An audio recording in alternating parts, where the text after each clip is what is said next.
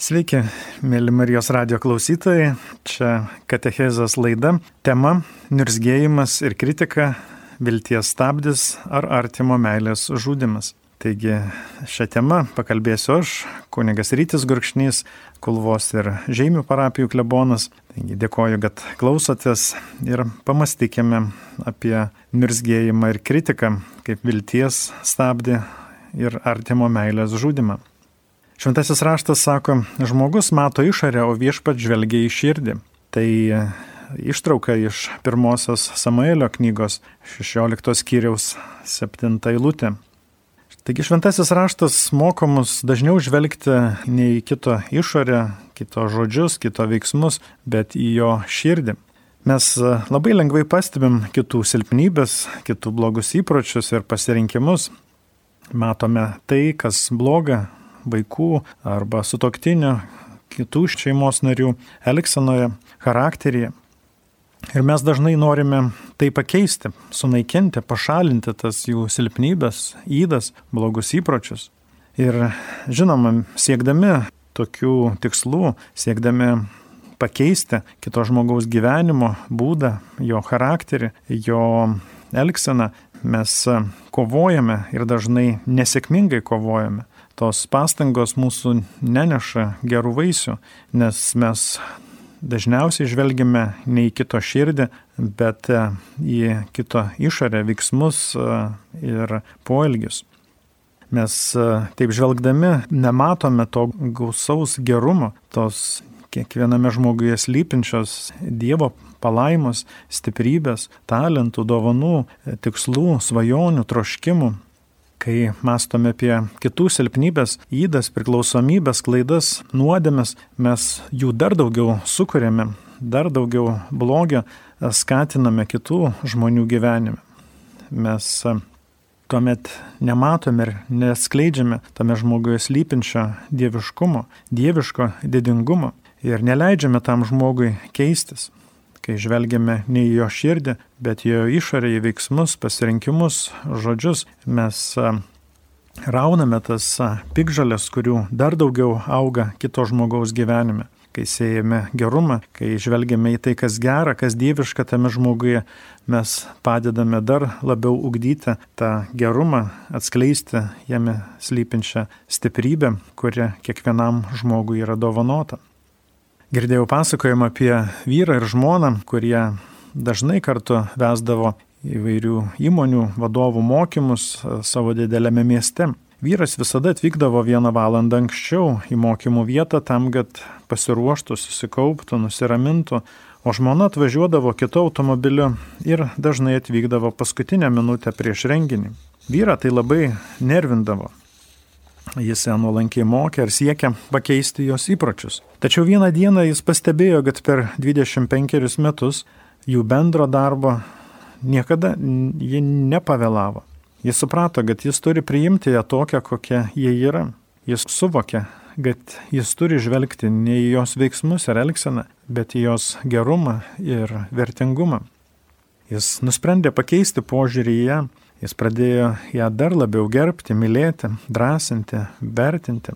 Ir tai suteikė jam pačiam daugiau ramybės, stiprybės ir gyvenimo džiaugsmo. Toks požiūris padėjo jam toliau kurti savo laimingą santoką ir savo profesinį gyvenimą. O toks požiūris leido Dievui darbuoti žmonos gyvenime ir keisti jos įpročius. Ir pamažu jie keitėsi. Kai jis nesistengė keisti, Dievas ją keitė. Kai žvelgiame į kito silpnybės, mes norime jas panaikinti, mes norime panaikinti tai, kas mums nepatinka. Kai siekiame pakeisti kito charakterį, elgseną, požiūrį, mes dažnai išvaistome savo laiką ir jėgas. Tuomet sukūrėme dar daugiau įtampos, kuri išauga į tarpusavę priešiškumą. Kai žvelgime į tai, kas gera kitame, mes dėkojame Dievui už tai. Ir tai suteikia mums dar daugiau džiaugsmo, ramybės, stiprybės, sveikatos ir laimės. Toks e, žvilgsnis, dieviškas žvilgsnis į kito širdį atskleidžia dar daugiau gerumo jame. Tas gerumas greitai ir lengvai išstumia tą blogį, kuris mums nepatinka. Kartais vyrai labai skuba kritikuoti žmoną dėl jo silpnybių ir įpročių. Ir tai sukaria daugiau ginčių, nesutarimų, nerimo šeimoje. Toks žvilgsnis į kito elgseną naikina šeimos darną ir laimę. O prasti santykiai šeimoje neigiamai veikia ir vyro savijautą, jos veikatą ir darbo kokybę. Jei norite turėti geresnę sveikatą, daugiau laimės, daugiau sėkmės savo darbuose, didesnių pajamų, daugiau ramybės, dažniau prisiminkite kito žmogaus, kito šeimos nario gerasias savybės ir priežastis, kurias kiekvienas tikrai turi savyje slypinčias ir dar neatskleistas. Kasdien įvardinkite savo bent dešimt savo žmonos savybių, kurios jums patinka, kurios jūs žavi, kas jums malonu, kas jums patinka. Dažniau mąstykite ir kalbėkite apie tai, kas gera, gražu, vertinga ir brangu. Šventasis raštas sako, žmogus, kuris randa gerą žmoną, randa laimę ir gauna iš viešpatės malonę. Tai patarlių knygos 18 skyriaus 22 eilutė. Vyrai visada turi prisiminti, kad žmona neša jam Dievo palaimą. Žmonos gali priminti vyrams, kai tu vedėjai mane, tu gavai Dievo palaimą per mane. Tikrai Dievas laimina vyrą per žmoną ir vyro laimė ir darbo sėkmė priklauso nuo gerų santykių su žmona. Kuo daugiau vyras ją gerbė, vertina, brangina, tuo daugiau ramybės, džiaugsmo, sėkmės ir jo paties gyvenime. Kai kurie sako, būsiu laimingas, kai mano šeimos narys pasikeis, pakeis savo blogus įpročius. Būsiu laimingas, kai mano vaikai pradės gyventi taip, kaip aš noriu. Būsiu laimingas, kai mano vadovas pasikeis. Taigi, taip mąstydami, jie atidėlioja savo laimę ateičiai ir taip tos ateities niekada ir nesulaukia. Jei norite būti laimingi šeimoje ir sėkmingi veikloje, nelaukite, bet žvelkite į tai, kas gera kitame. Ir toks žvilgsnis jau čia ir dabar pradės keisti pačią sudėtingiausią situaciją jūsų santykiuose ir pakeis bet kokias blogas aplinkybės ir šalins bet kokį blogį iš jūsų gyvenimo kelio. Toks žvilgsnis pagerins ne tik jūsų sveikatą, ne tik jūsų savijautą, bet ir santykius ir finansus. Tikrai tame požiūrėje, teigiamame požiūrėje slypi galinga, kurianti, keičianti gale. Vienas tevelis pasakojo apie savo 15 metų dukrą. Jis sakė, kad jo dukra ne tik graži, bet ir labai kūrybinga. Ji mėgsta madingus drabužius, jie turi labai vertingą kūrybingumo talentą ir puikią dizainerio nuojautą. Jie paima pačius keiščiausius drabužius ir suderina juos su kitais, dar keistesniais. Ir tas derinys jį labai tinka. Jie visada puikiai atrodo su tais drabužiais. Tevelis sako, jie nemėgsta tradicinės aprangos, jie mėgsta renktis tai, kas nauja, neįprasta, šiuolaikiška.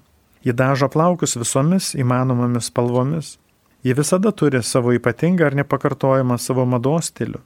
Žinoma, daugumai tai nepatinka.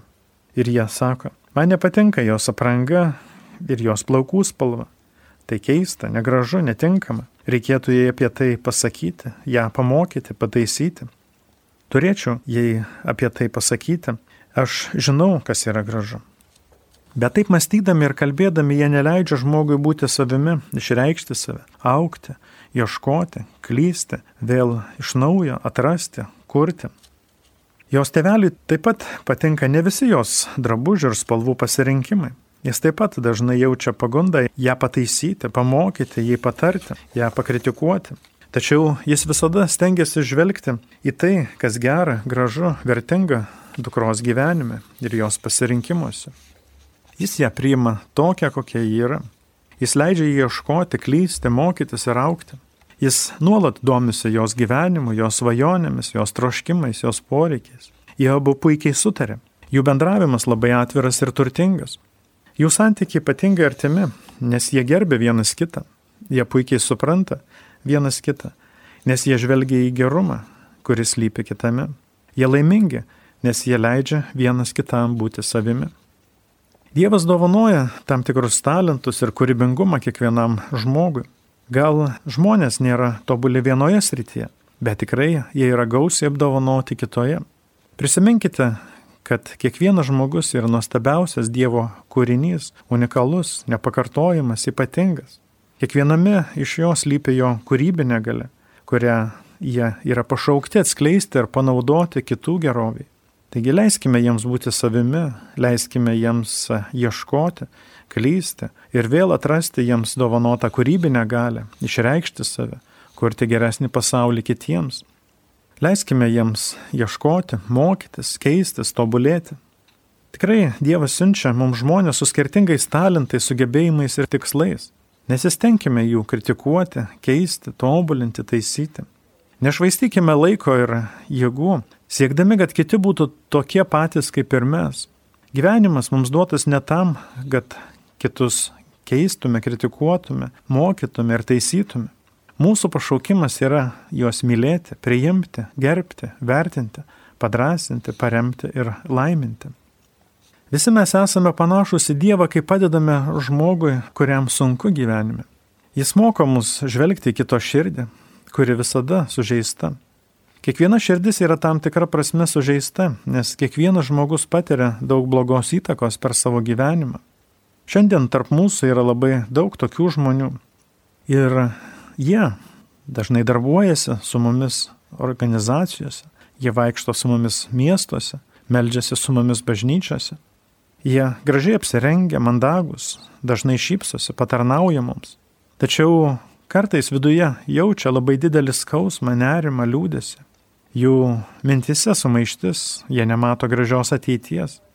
Jie siunčiami į mūsų gyvenimą tam, kad mes juos pakilėtume, pakilėtume jų dvasę aukštyn, pastebėtume juos, skirtume jiems daugiau laiko, pažvelgtume į jų širdį, padrasintume juos, primintume jiems, kas juos sukūrė ir kas juos laimina. Gal bendradarbis padarė klaidą, ir jūs negalite jam atleisti. Prisiminkite, kad Dievo gydanti gale daug stipresnė už bet kokią padarytą kito žmogaus klaidą.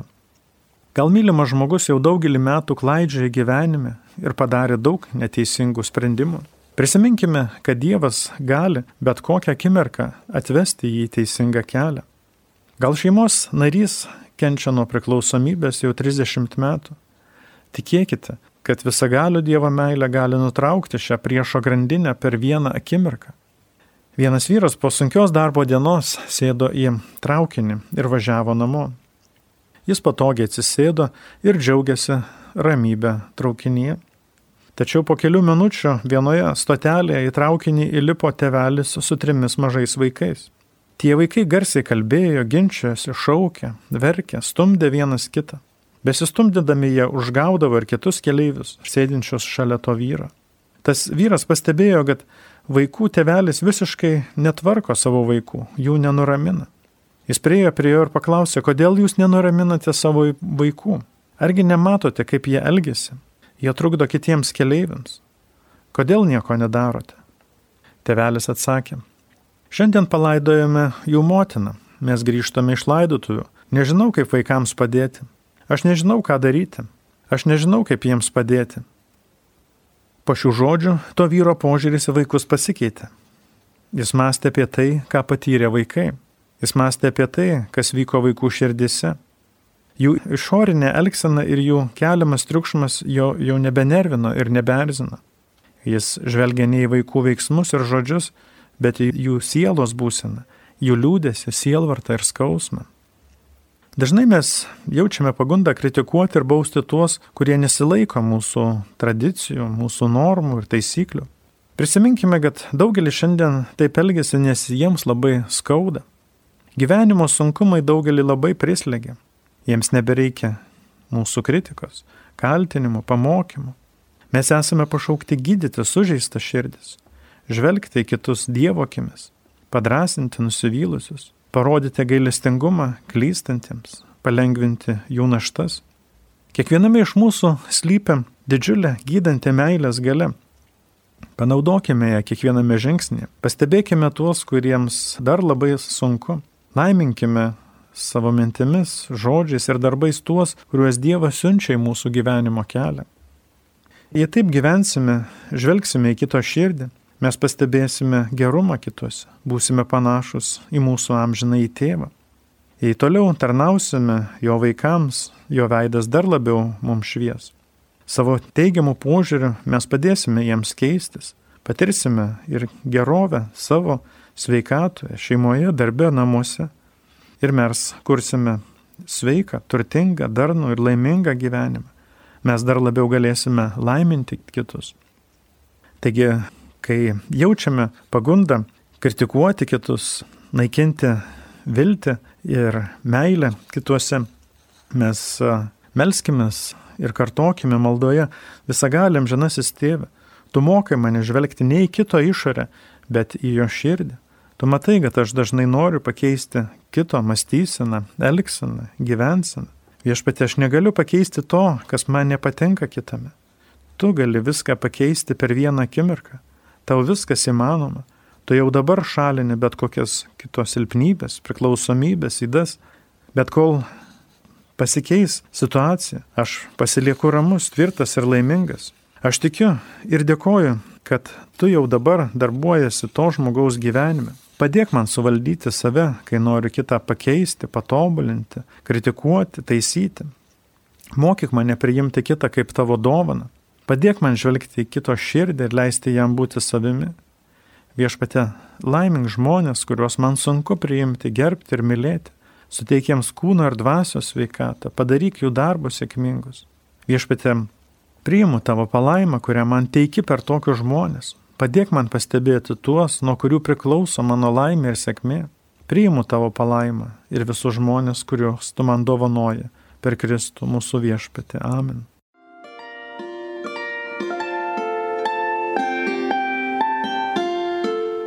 Jūs girdite Marijos radiją.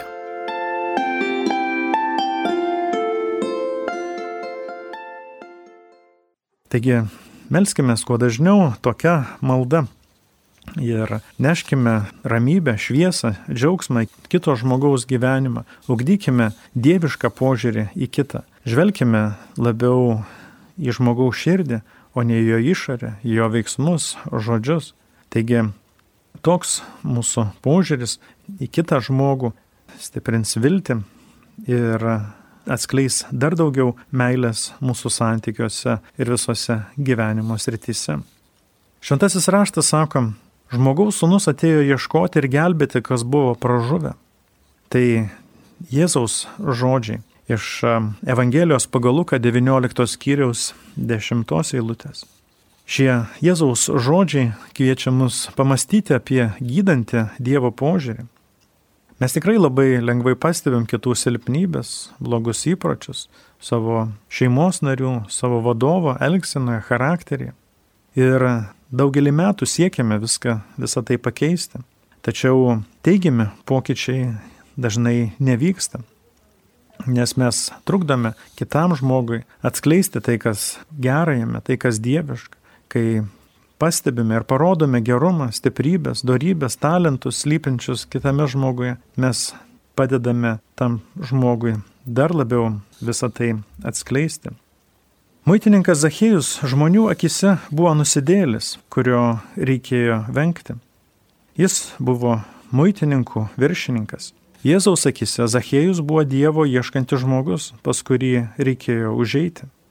Žmonės baudė ir kritikavo jį. Jėzus nekaltino jo, nemokė, nemoralizavo. Jis žvelgė į jo atvirą širdį ir apsilankė jo namuose.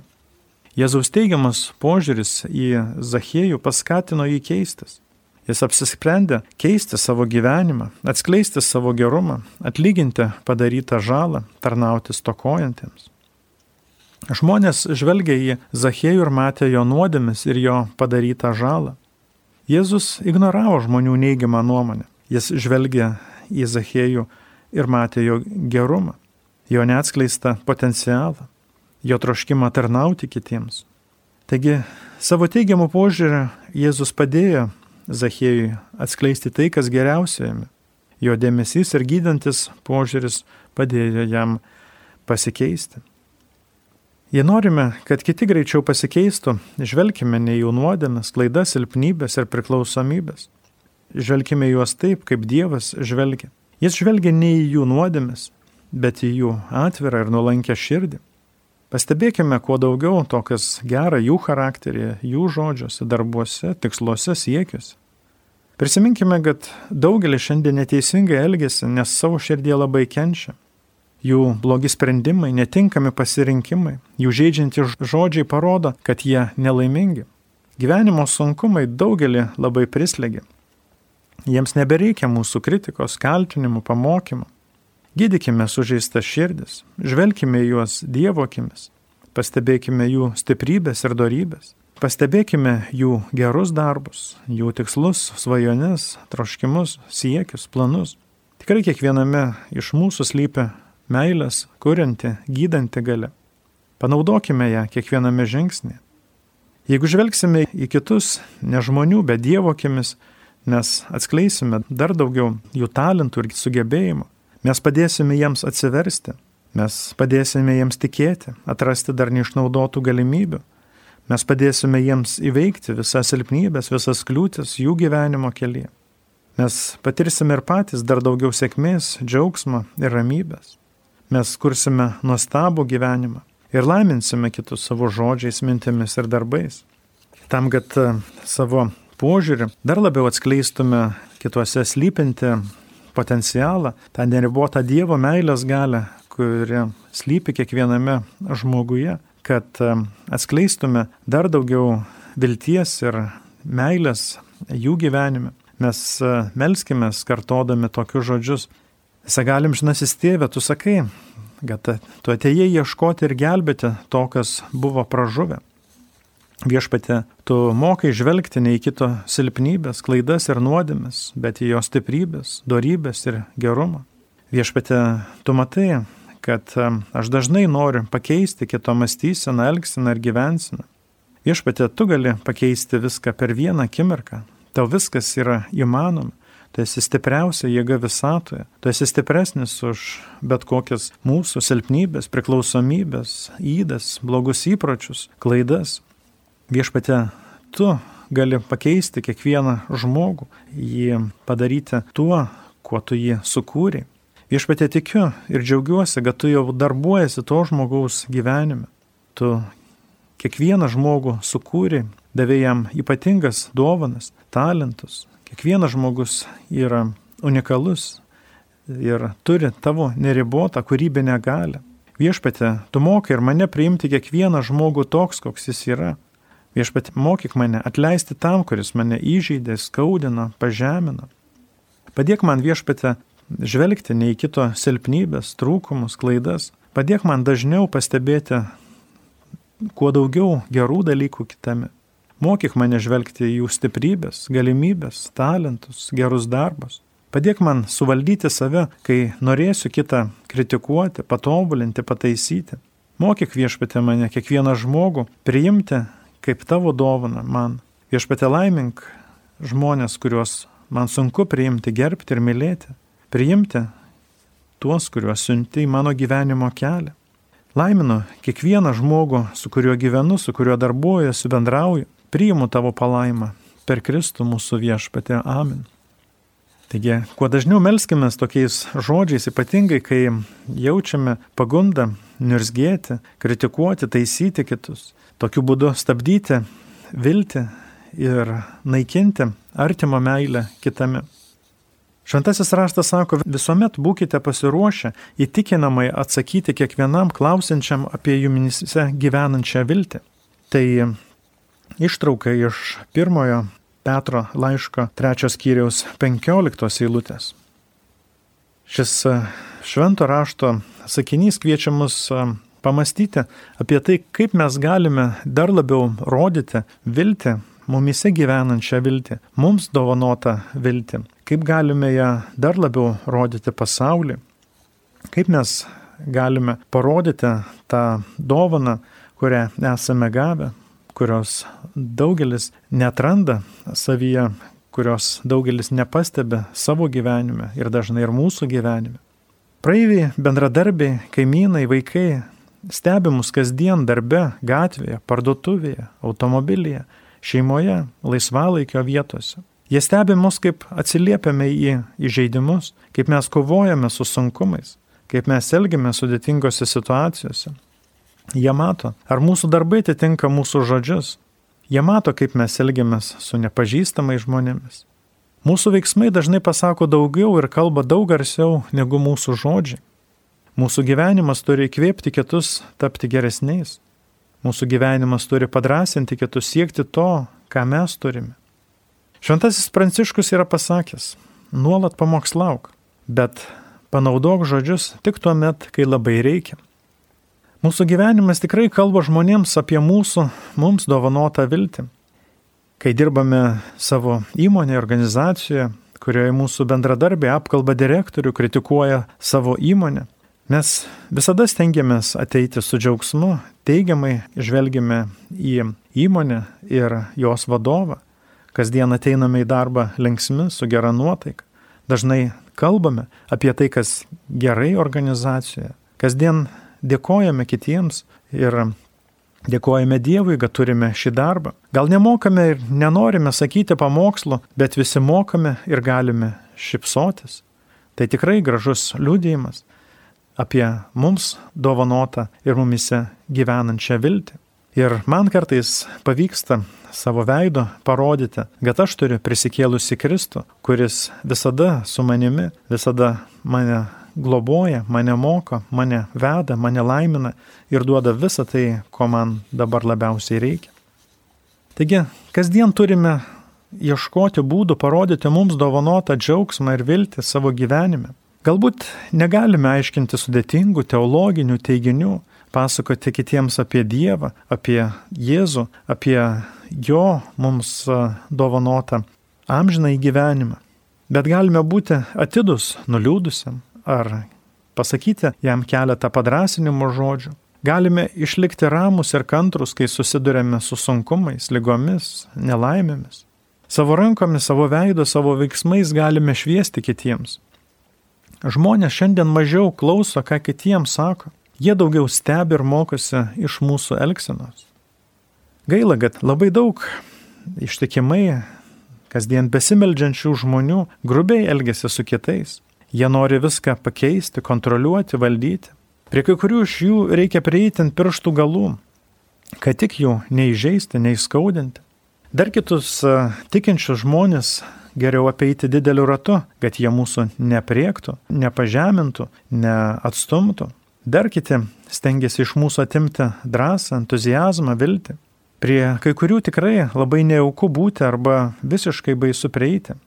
Kai mes savo elgseną taip atstumėme kitus, mes tikrai neparodome apie kiekviename iš mūsų gyvenančią viltį, apie tai, kad mes turime stipriausią galę visatoje, kuri mus globoja, laimina ir veda pačiu geriausiu gyvenimo keliu. Kartai sutinkame nesvetingus, nedraugiškus, piktus, smerkiančius krikščionis. Jie nuliūdė, nusivylę, pikti, neramus. Atrodo, kad jie ką tik prarado vieną iš savo geriausių draugų. Jų veidas rodo, kad jie niekada nepatyrė tikro Jėzaus prisikelimo džiaugsmo. Kiti mato ir sako, jie tik į Dievą, kiekvieną sekmadienį eina į bažnyčią, kasdien meldžiasi, kartą per savaitę pasnikauja, lanko maldos grupę, dirba savanoriais, bet jie nuliūdė ir kenčia nuo depresijos lygiai taip kaip ir aš.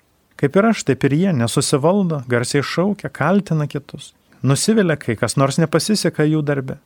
Jie visiškai nesiskiria nuo manęs. Kodėl norėčiau būti krikščioniu?